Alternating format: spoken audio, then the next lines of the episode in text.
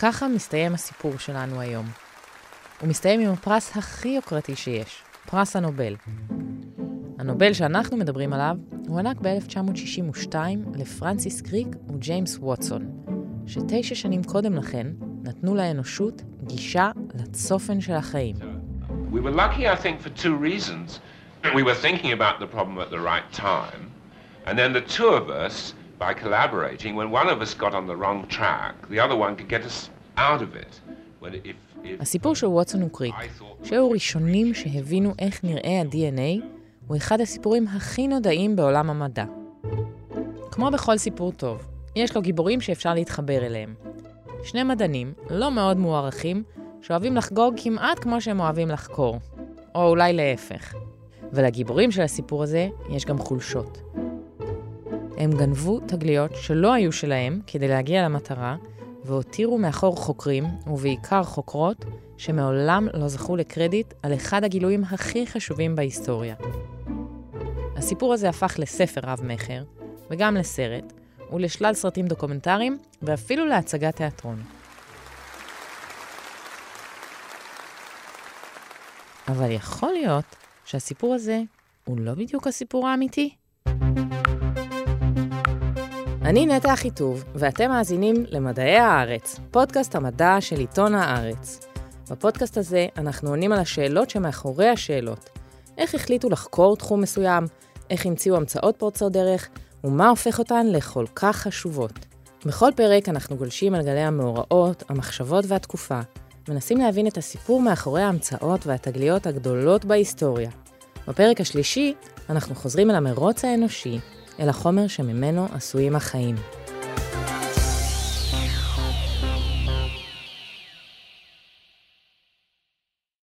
גם אם אתם לא לגמרי זוכרים למה, סביר להניח שהשם גרגור מנדל נשמע לכם מוכר. מנדל היה האיש הראשון שחקר את התורשה בצורה מדעית ועקבית. זה לא שבני האדם לא הבינו לפניו שכנראה יש סיבה שהילדים שלהם דומים להם, ובמשך אלפי שנים אפילו הצליחו לבצע הכלאות בין צמחים ובעלי חיים, אבל עד למנדל, אף אחד לא באמת הבין מה קורה שם. מנדל היה ביולוג ונזיר. הוא חי ועבד במנזר, ושם החליט לחקור את צמח האפונה. העובדה שבחר לעבוד עם אפונים הייתה מאוד משמעותית, כי לצמח הזה יש שלל תכונות שהופכות אותו מושלם למחקר גנטי. עד מנדל סברו שהתכונות שעוברות אל הצאצאים הן בעצם תוצאה של ערבוב התכונות של ההורים, כלומר הממוצע של התכונות. לפי ההיגיון הזה, אם אימא שלך היא בגובה מטר חמישים, ואבא שלך הוא בגובה מטר שבעים, אז את אמורה להיות בגובה מטר שישים. אבל מחקר האפונים של מנדל גילה דברים שונים ומרחיקי לכת. מנדל גילה שתורשה נקבעת על ידי גורמים, אז עוד לא ידעו שיש דבר כזה גנים, שעוברים מהורה לצאצא. והוא גם הבין שהגורמים האלו עוברים הלאה ללא שינוי. כלומר, אין דבר כזה ערבוב או ממוצע של תכונות. והוא הבין עוד משהו חשוב. יש תכונות שתמיד עוברות לדור הבא, אבל יש תכונות שלמרות שהגורמים, כלומר הגנים שלהן, עוברים הלאה, הן לא בהכרח באות לידי ביטוי. ולפעמים התכונות האלו צצות בדור שמגיע אחר כך. הוא קרא לתכונה שמופיעה תמיד דומיננטית, ולתכונה החבויה רצסיבית.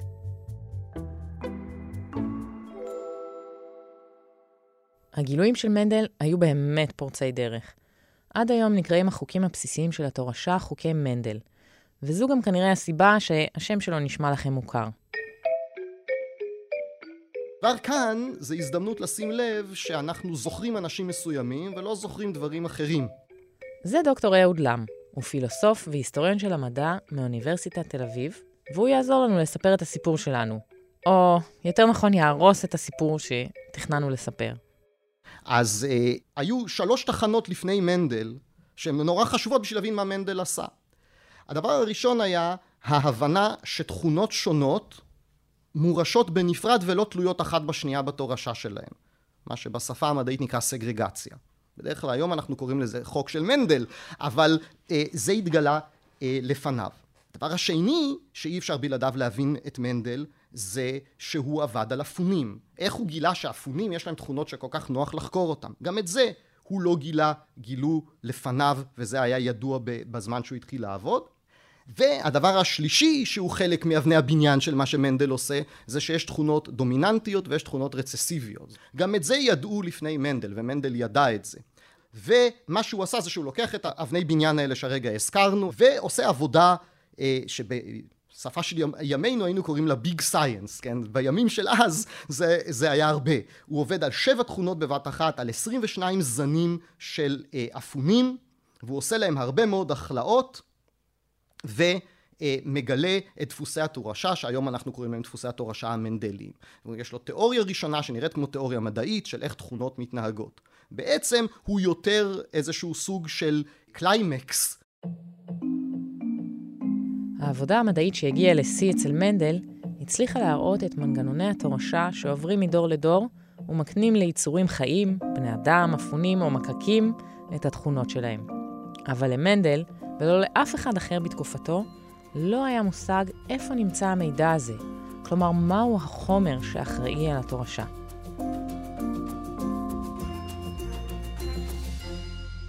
ופה הסיפור שלנו, זה שמסתיים בפרס הנובל, החוקרים שגילו את הצופן של החיים, נזקק לגיבור אלמוני, כזה שלא שמעתם את השם שלו בתיכון.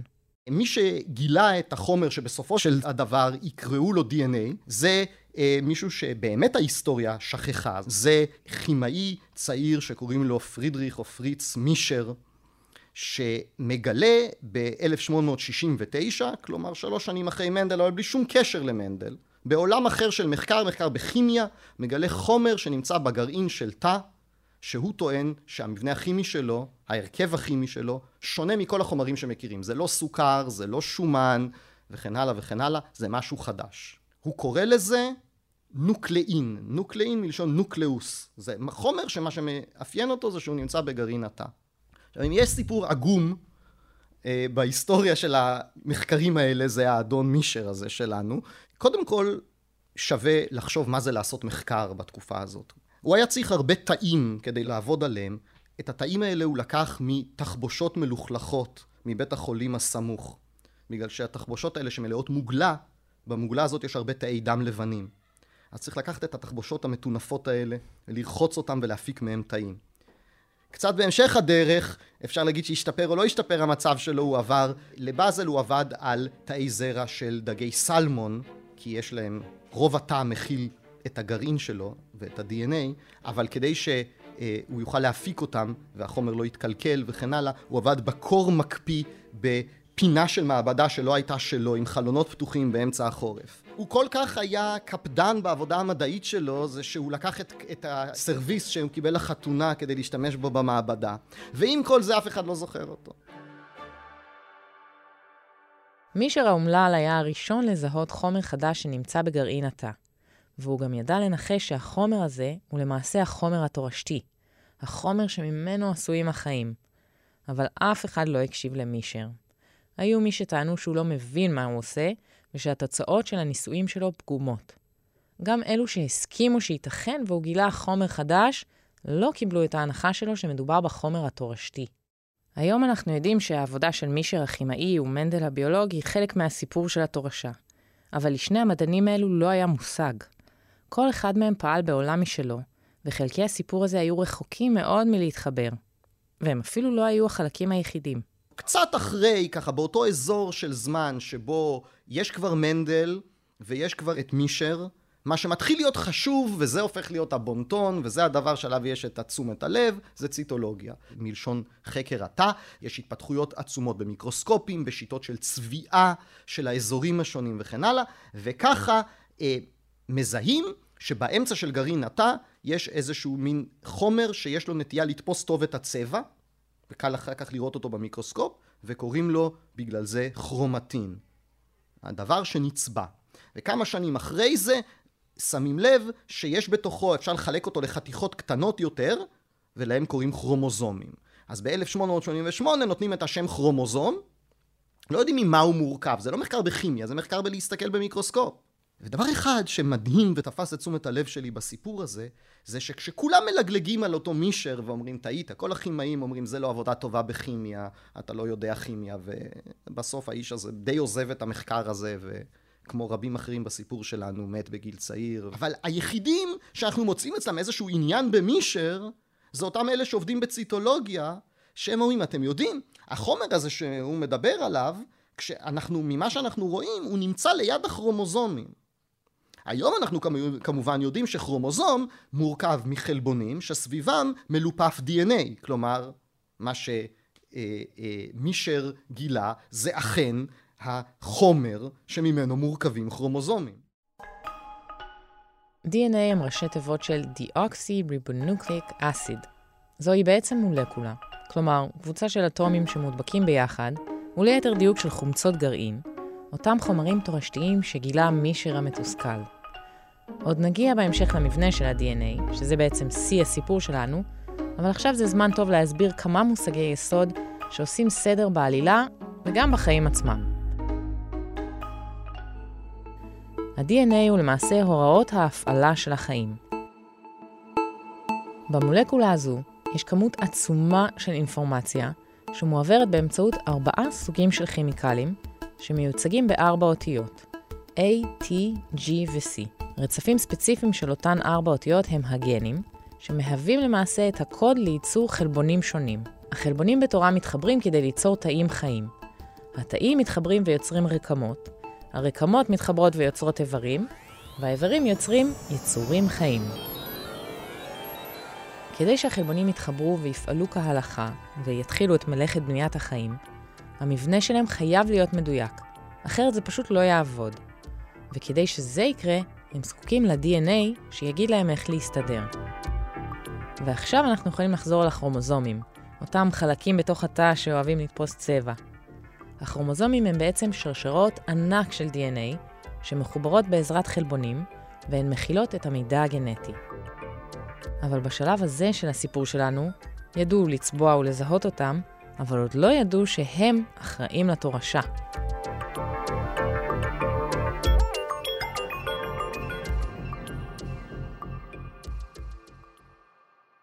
במחצית הראשונה של המאה ה-20, מדענים כמו אדמונד ווילסון, נטי סטיבנס, טי.אייץ' מורגן, ארצ'יבלד גארוד, בידל וטייטם, רוז סקוט מונקריף, אוסוולד אייברי, אלפרד הרשי ומרתה צ'ייס, מתקדמים בחקר התורשה ומתחילים להבין שיש אינפורמציה שבאמצעות מקטעים ספציפיים, כלומר גנים, מעבירה תכונות לדורות הבאים.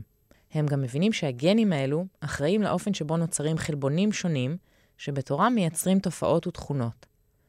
רוב החוקרים שהזכרנו פה למעלה לא זכו לתהילה מחוץ לעולם המדעי.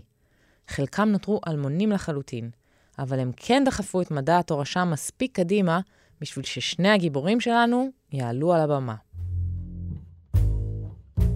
ג'יימס ווטסון נולד ב-1928 בשיקגו, והחל ללמוד באוניברסיטה כבר בגיל 15. בספר שלו, שיצא אחרי הזכייה בנובל, הוא כתב, קיוויתי שאוכל לפענח את תעלומת הגן בלי שאצטרך ללמוד כימיה. משאלה זו נבעה בחלקה מעצלות. בראשית שנות ה-50 החל ווטסון הצעיר בחיפוש אחר ה-DNA. באותה תקופה כבר היה ברור שהגילוי מתקרב, ומדענים רבים במעבדות שונות בארצות הברית ובאנגליה היו במרדף להיות הראשונים לזהות את הקוד של החיים. ווטסון לא היה המועמד הטבעי לזכות בתהילה. הוא היה צעיר, בלי מסלול אקדמי ברור, ועם רקע שלכאורה לא לגמרי התאים למשימה.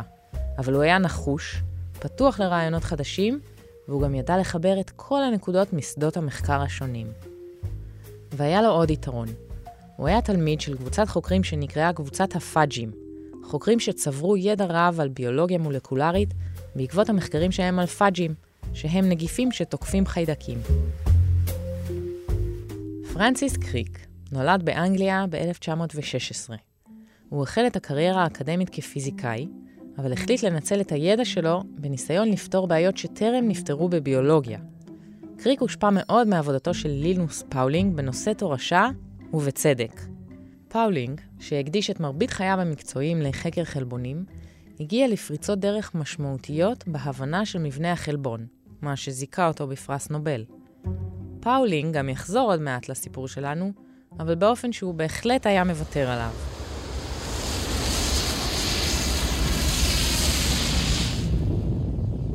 ב-1951 חוצה ווטסון את האוקיינוס האטלנטי כדי לעשות פוסט-דוקטורט במעבדת קוונדיש שבקיימברידג'.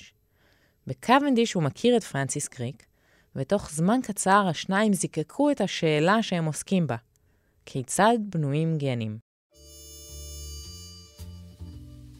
ימים מעטים לאחר שהגעתי כבר ידענו מה עלינו לעשות, כתב ווטסון בספרו, לחקות את לינוס פאולינג ולנצח אותו במשחקו שלו. זה מין זיווג שנולד בשמיים, כן? כי ווטסון מביא באמת את הידע העכשווי ביותר על החשיבות של DNA, וקריק מביא את ההיכרות ואת הקשרים שיש לו באנגליה בין כל האנשים באנגליה, ויש רבים שעובדים על קריסטלוגרפיה. ווטסון הפעיל את כל הקשרים שעמדו לרשותו כדי להגיע לקוונדיש. הוא הבין טוב מאוד שהמעבדה הזו יכולה להביא אותו לקו הסיום כמנצח, והסיבה לכך הייתה שקוונדיש התמחתה בקריסטלוגרפיה. אז אנחנו רוצים להבין את המבנה של המולקולות. ואז השאלה איך מבינים מבנה של מולקולות. אחת השיטות שמפתחים אותן והופכת להיות השיטה הדומיננטית היא לקחת מולקולות כאלה, ליצור מהם גביש קריסטל, מכאן המילה קריסטלוגרפיה. מה שאתה עושה זה שאתה מצלם, ככה היינו היום אומרים אני חושב, את הקריסטל הזה, מכאן יש לנו קריסטלוגרפיה כמו פוטוגרפי, אבל לא עם אור רגיל שאנחנו רואים, אלא עם קרני רנטגן שהן מספיק קטנות כדי ללכת בהתפתלויות וברווחים הקטנים שיש בין האטומים במולקולה. בצד השני אתה שם לוח צילום, ואז מקבלים על הצד השני צל, מה שנקרא דפוס התאבכות. כן? זה צל בעצם כמו שאנחנו עושים לילדים ככה ארנב על הקיר עם את הצל, זה מה שאתה רואה, אתה רואה את הצל. ואז מתפתח מדע שלם איך למדוד את המרחקים בין מה מואר ומה חשוך בצל הזה כדי להסיק מסקנה מה הייתה הצורה של הידיים כי הידיים לא נראו באמת כמו ארנב רק היו שם שתי בליטות זה הופך להיות מדע שלם שהופך להיות כלי עבודה עד היום הוא כלי עבודה לא היחיד אבל כלי עבודה מאוד חשוב בלהבין מבנה תלת מימדי של מולקולות בתחילת חודש מאי של שנת 1952, רוזלינד פרנקלין, מומחית לקריסטלוגרפיה, עמלה במעבדה בלונדון על מה שמאוחר יותר התפרסם כתצלום 51. תצלום הרנטגן הזה הצליח לתעד את הגביע הקדוש שכולם רודפים אחריו, את מבנה ה-DNA. המעבדה שבה עבדה פרנקלין התחרתה עם המעבדה של ווטסון וקריק במרוץ לגילוי המבנה, ותצלום 51 היה אמור להעניק לה יתרון משמעותי, אבל מעשה שטן, הוא התגלגל לידיים של צמד החוקרים הנלהב. מיד כשראיתי את התצלום נפער פי לרווחה, והדופק שלי החל לדהור, כתב ווטסון בספרו. איך הגיע התצלום לווטסון וקריק? מוריס ווילקינס, שעבד עם פרנקלין, לקח את התמונה ללא ידיעתה והעביר אותה למתחרים. היחסים בין ווילקינס לפרנקלין היו עכורים, ולפי ביוגרפיה שנכתבה על פרנקלין, היחס כלפיה במעבדה היה עוין, בין השאר משום שהייתה אישה יהודייה ממעמד בינוני גבוה. ווילקינס, זה המקום לציין, זכה ביחד עם ווטסון וקריק בפרס הנובל, משום שחברי ועדת הפרס הכירו בחשיבות התצלום לגילוי המבנה. בשלב הזה פרנקלין כבר לא יכולה הייתה לקבל את הכבוד, משום שמתה בטרם עת, בגיל 37. בספר המפורסם של ווטסון, הוא הפגין יחס שוביניסטי ומזלזל כלפי פרנקלין. ולמרות שהוא מעריך את היכולות שלה בתחום הקריסטלוגרפיה, הוא רואה בה מעין אסיסטנטית ולא מדענית. אי אפשר להתכחש לכך שהיה לה מוח מבריק, אילו רק הייתה מסוגלת לשלוט ברגשותיה, כתב. הפרשה הזו הפכה סמל לאופן שבו נשים הודרו מההיסטוריה המדעית. פרנקלין הפכה מאז לגיבורה של סרטים דוקומנטריים ושל מחזה בשם תצלום 51. המחזה זכה להצלחה בינלאומית, ובגרסה הלונדונית שלו גילמה את פרנקלין לא אחרת מאשר ניקול קידמן. הנה היא אפילו מדברת על זה בקולה. She's Jewish, she's a scientist, she's female. There's so many things that um, put her into a world with her defenses up. גם כאן, כשמספרים את הסיפור, כלומר ווטסון מספר לנו את הסיפור, והוא מספר איך נעזרו בתמונות של הקריסטלוגרפיה שנ... שצילמו ב... בלונדון, הוא לא מדגיש שאלה לא היו התמונות הראשונות של הקריסטלוגרפיה של DNA, ונגלה שעוד פעם שכחו אנשים. אתם יכולים כבר לנחש את מי. התמונה הראשונה, הדרמטית, שמראה לנו שזה איזשהו סוג של סליל, ה-DNA הזה, קורית ב-1938. כלומר, הרבה הרבה קודם, בדוקטורט שכותבת מישהי בשם פלורנס בל באוניברסיטת לידס באנגליה. עוד דוגמה למישהי שבאיזשהו שלב מתחתנת ועוזבת את המדע. אבל התמונה שם, ו- וווטסון וקריק יודעים את זה. יותר מזה, ב-1951, כלומר שנתיים לפני שווטסון וקריק נותנים את הפוש שלהם ומנצחים, תלמיד חדש גם כן מצלם תמונות כאלה של DNA, והוא מגלה שיש שתי צורות למולקולות ה-DNA, מה שהיום אנחנו קוראים צורה A וצורה B. אחת מהן מאוד קשה להבין מהקריסטלוגרפיה איך היא נראית, והשנייה היא הרבה הרבה יותר מסודרת, כשמסתכלים עליה רואים מין איקס כזה שחור באמצע של התמונה, שזה כל קריסטלוגרף יודע שזה אומר שזה סליל, כזה שמתפתל, ככה כמו מדרגות כאלה מפותלות. את זה עושה עוד מישהו, שאף אחד לא יודע את השם שלו, כן? כי גם הוא יכול להמשיך את חייו ולהסתכל איך אחרים זוכים בתהילה. וגם אומרים עליו שהיה קצת ממורמר על זה. אבל הוא נותן תמונה של שתי הצורות. ושתי הצורות האלה, אם להקדים את המאוחר, זה מה שאומרים שגילתה רוזלין פרנקלין. אז אכן רוזלין פרנקלין גילתה ששתי צורות, זה נכון.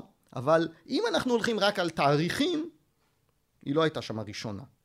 אם אנחנו רוצים להגיד שגנבו לה את התהילה, גם בזה היא לא הייתה הראשונה. ובהזדמנות הזאת צריך להזכיר שמי שצילם את התמונה המפורסמת שנתנה רוזלין פרנקלין, שמדליפים לווטסון, וווטסון כותב בספר שלו, הבנתי מיד ורצתי וככה וזה וזה, ואחר כך מתחיל סיפור שלם על איך היא לא קיבלה קרדיט, ואיך נתנו לו את התמונה בלי לבקש ממנה רשות, וכן הלאה וכן הלאה. צילם תלמיד שעבד אצלה, שאותו אנחנו, אה, גוסלינג, שאותו בכלל לא מזכירים.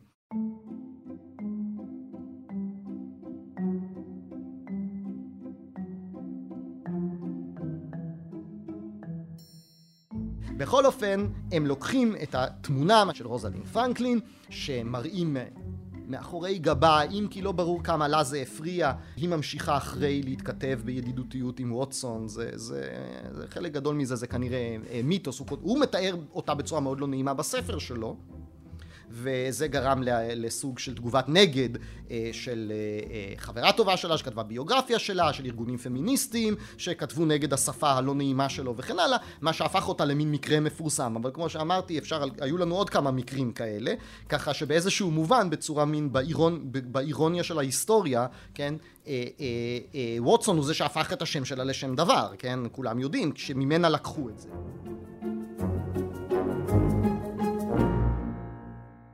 ווטסון וקריק היו מדענים נלהבים, אבל לא רק תרכובות כימיות היו להם בראש. אחת הסיבות לכך שספרו של ווטסון הפך לרב-מכר, ושדמותו כה מוכרת כיום, היא שהוא הצליח להציג צד אחר של האנשים שעוסקים במדע.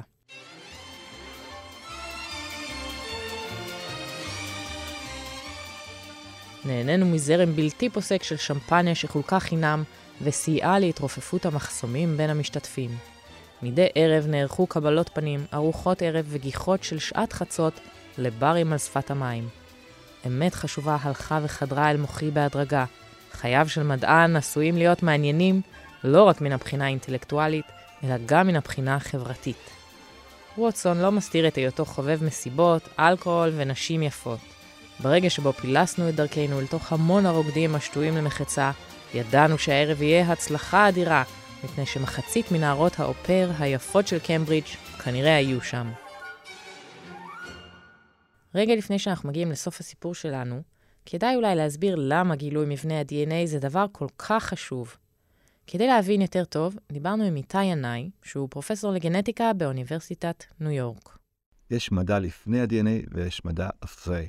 ברגע שאנשים הבינו את המודל, זה פותח אין סוף שאלות נוספות. וזה עכשיו ברא את התחום החדש של הביולוגיה המולקולרית. ברגע שאתה יודע שעכשיו ה-DNA זה קוד, נשאלת השאלה, אוקיי, אז איך אתה לוקח את הקוד הזה וממנו מייצר את כל החיים? איך מהקוד הזה עכשיו אתה מייצר חלבונים? מה בדיוק החלבונים שעוזרים לתהליך הזה?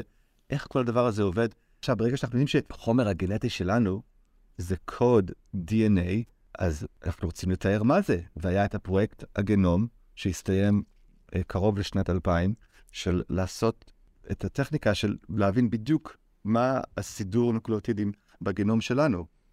וזה שלוש מיליארד אותיות בגנום שלנו. עכשיו אנחנו יודעים בדיוק את הסדר שלהם, אנחנו יודעים איפה גן אחד מתחיל ואיפה גן אחד נגמר, וזה המפה של כל כך הרבה מהמחקר היום. וגם הרפואה המותאמת אישית בעצם מבוססת על זה שאנחנו יודעים את מיפוי ה-DNA ואת המבנה של ה-DNA. לגמרי. ואיך ה-DNA עובד. לגמרי, הרי מה זה רפואה אישית? זה אומר שבינינו יש DNA שונה, לי יש נוקלוטידים שלך אין, ולך יש וריאנטים של, שלי אין, ועם הטכנולוגיה של הריצוף ה-DNA, לרצף DNA, זה, זה למפות את הסידור נוקלוטידים, אנחנו יכולים לראות בדיוק מה ההבדלים בין הגנומים שלנו, ועכשיו לנסות להבין, אוקיי, איזה שינויים חשובים ואיזה בעצם שקטים, איך אנחנו יכולים למצוא תרופה שהיא ספציפית לשינויים שנובעים מהווריאנטים, ה-DNA הספציפיים שלך וכולי.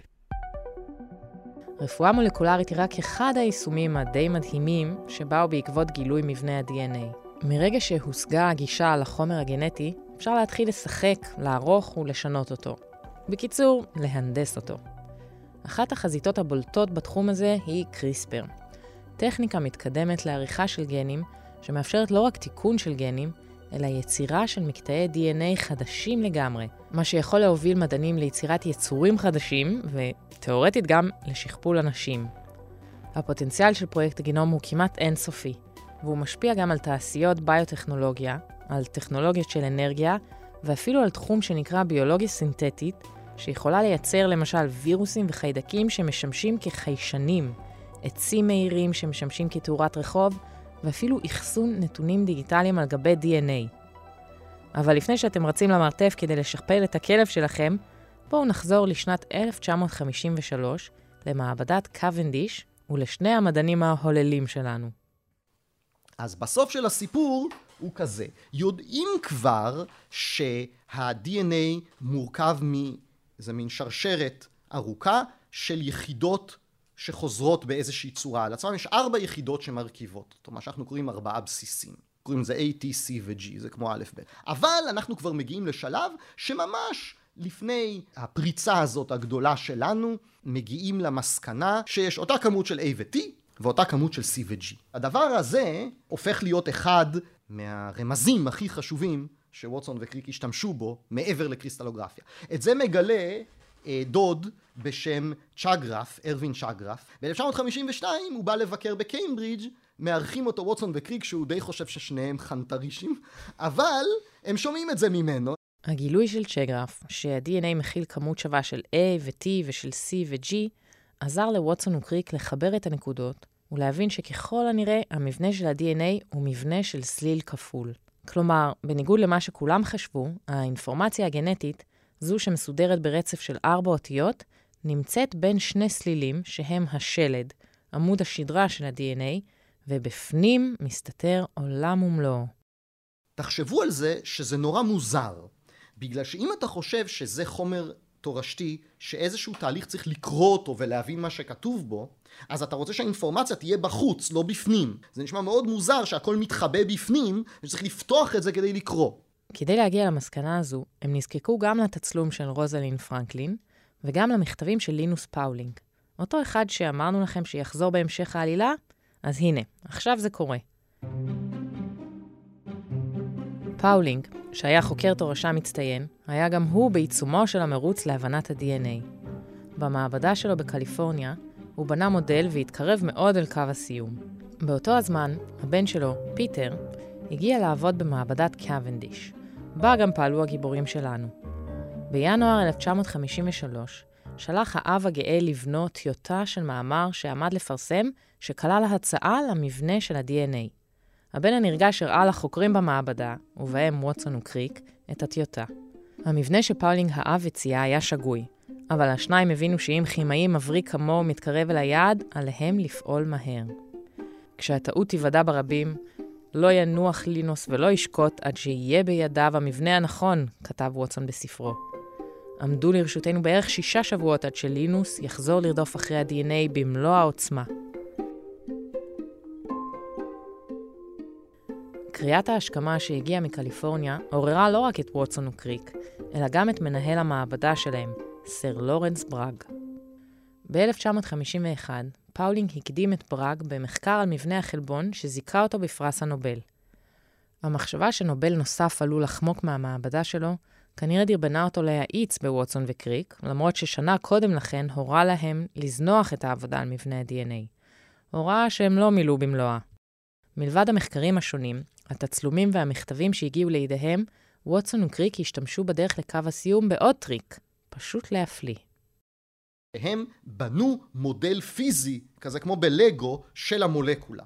עכשיו, הכימאים כבר ידעו, כחלק מהמחקר שלהם על הצורה של מולקולות, אה, לבנות מין מודלים כאלה. עכשיו, אתה מקבל כדור שמייצג נגיד אטום של פחמן, ובכדור הזה יש חורים שלתוכם מכניסים מקלות כדי לחבר אותו לאטומים אחרים. והכדורים האלה בנויים ככה שיש בהם את הזוויות הנכונות שבה האטומים האלה יכולים להתחבר. אז אתה לא צריך לשאול את עצמך מה הקשר הכי, שהכי יתאים לתמונה. אתה יכול ליצור רק קשרים מסוימים. אז זה חוסך המון עבודה. זה טריק כזה של כימאים, שהם ידעו לעשות את זה. אז פייר הם עשו באמת מין שילוב של כל סוגי הידע שאפשר היה להשתמש בהם, וחיברו את הכל ביחד. אבל הם פחדו פחד אטומי שאחרים יגלו את זה גם כן. כי כולם היו קרובים לזה. אז הם מהר מהר מהר כותבים מאמר, זה מאמר מאוד מאוד מפורסם, כי המאמר הראשון שלהם על הדבר הזה הוא נורא קצר, כדי לפרסם את זה מהר. והם לא נותנים קרדיט לאף אחד, זה הוויכוח הגדול על זה שהם לא נותנים קרדיט לרוזלין פרנקלין, אבל שוב, ראינו שהרבה אנשים פה בדרך לא קיבלו קרדיט, אז כמה מזה זה אה, מקרה מיוחד וכמה מזה זה לא, זאת שאלה לא פשוטה.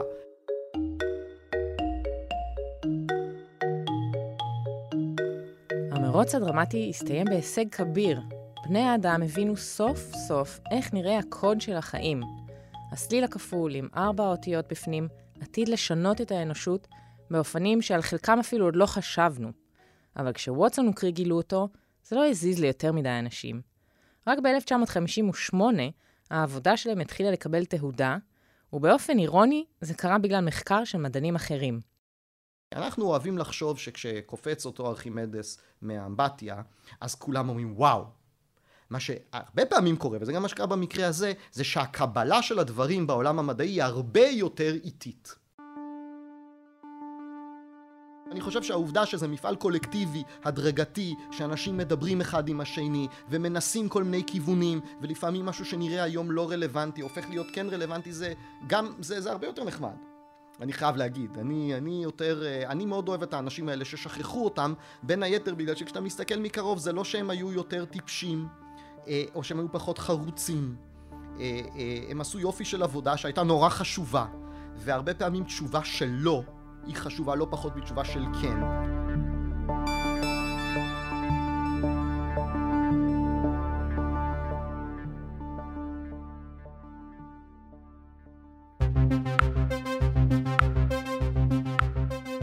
עד כאן הפרק השלישי של מדעי הארץ, פודקאסט המדע של עיתון הארץ. תודה רבה לדוקטור אהוד לם ולפרופסור איתי ינאי שעזרו לנו להבין את הסיפור.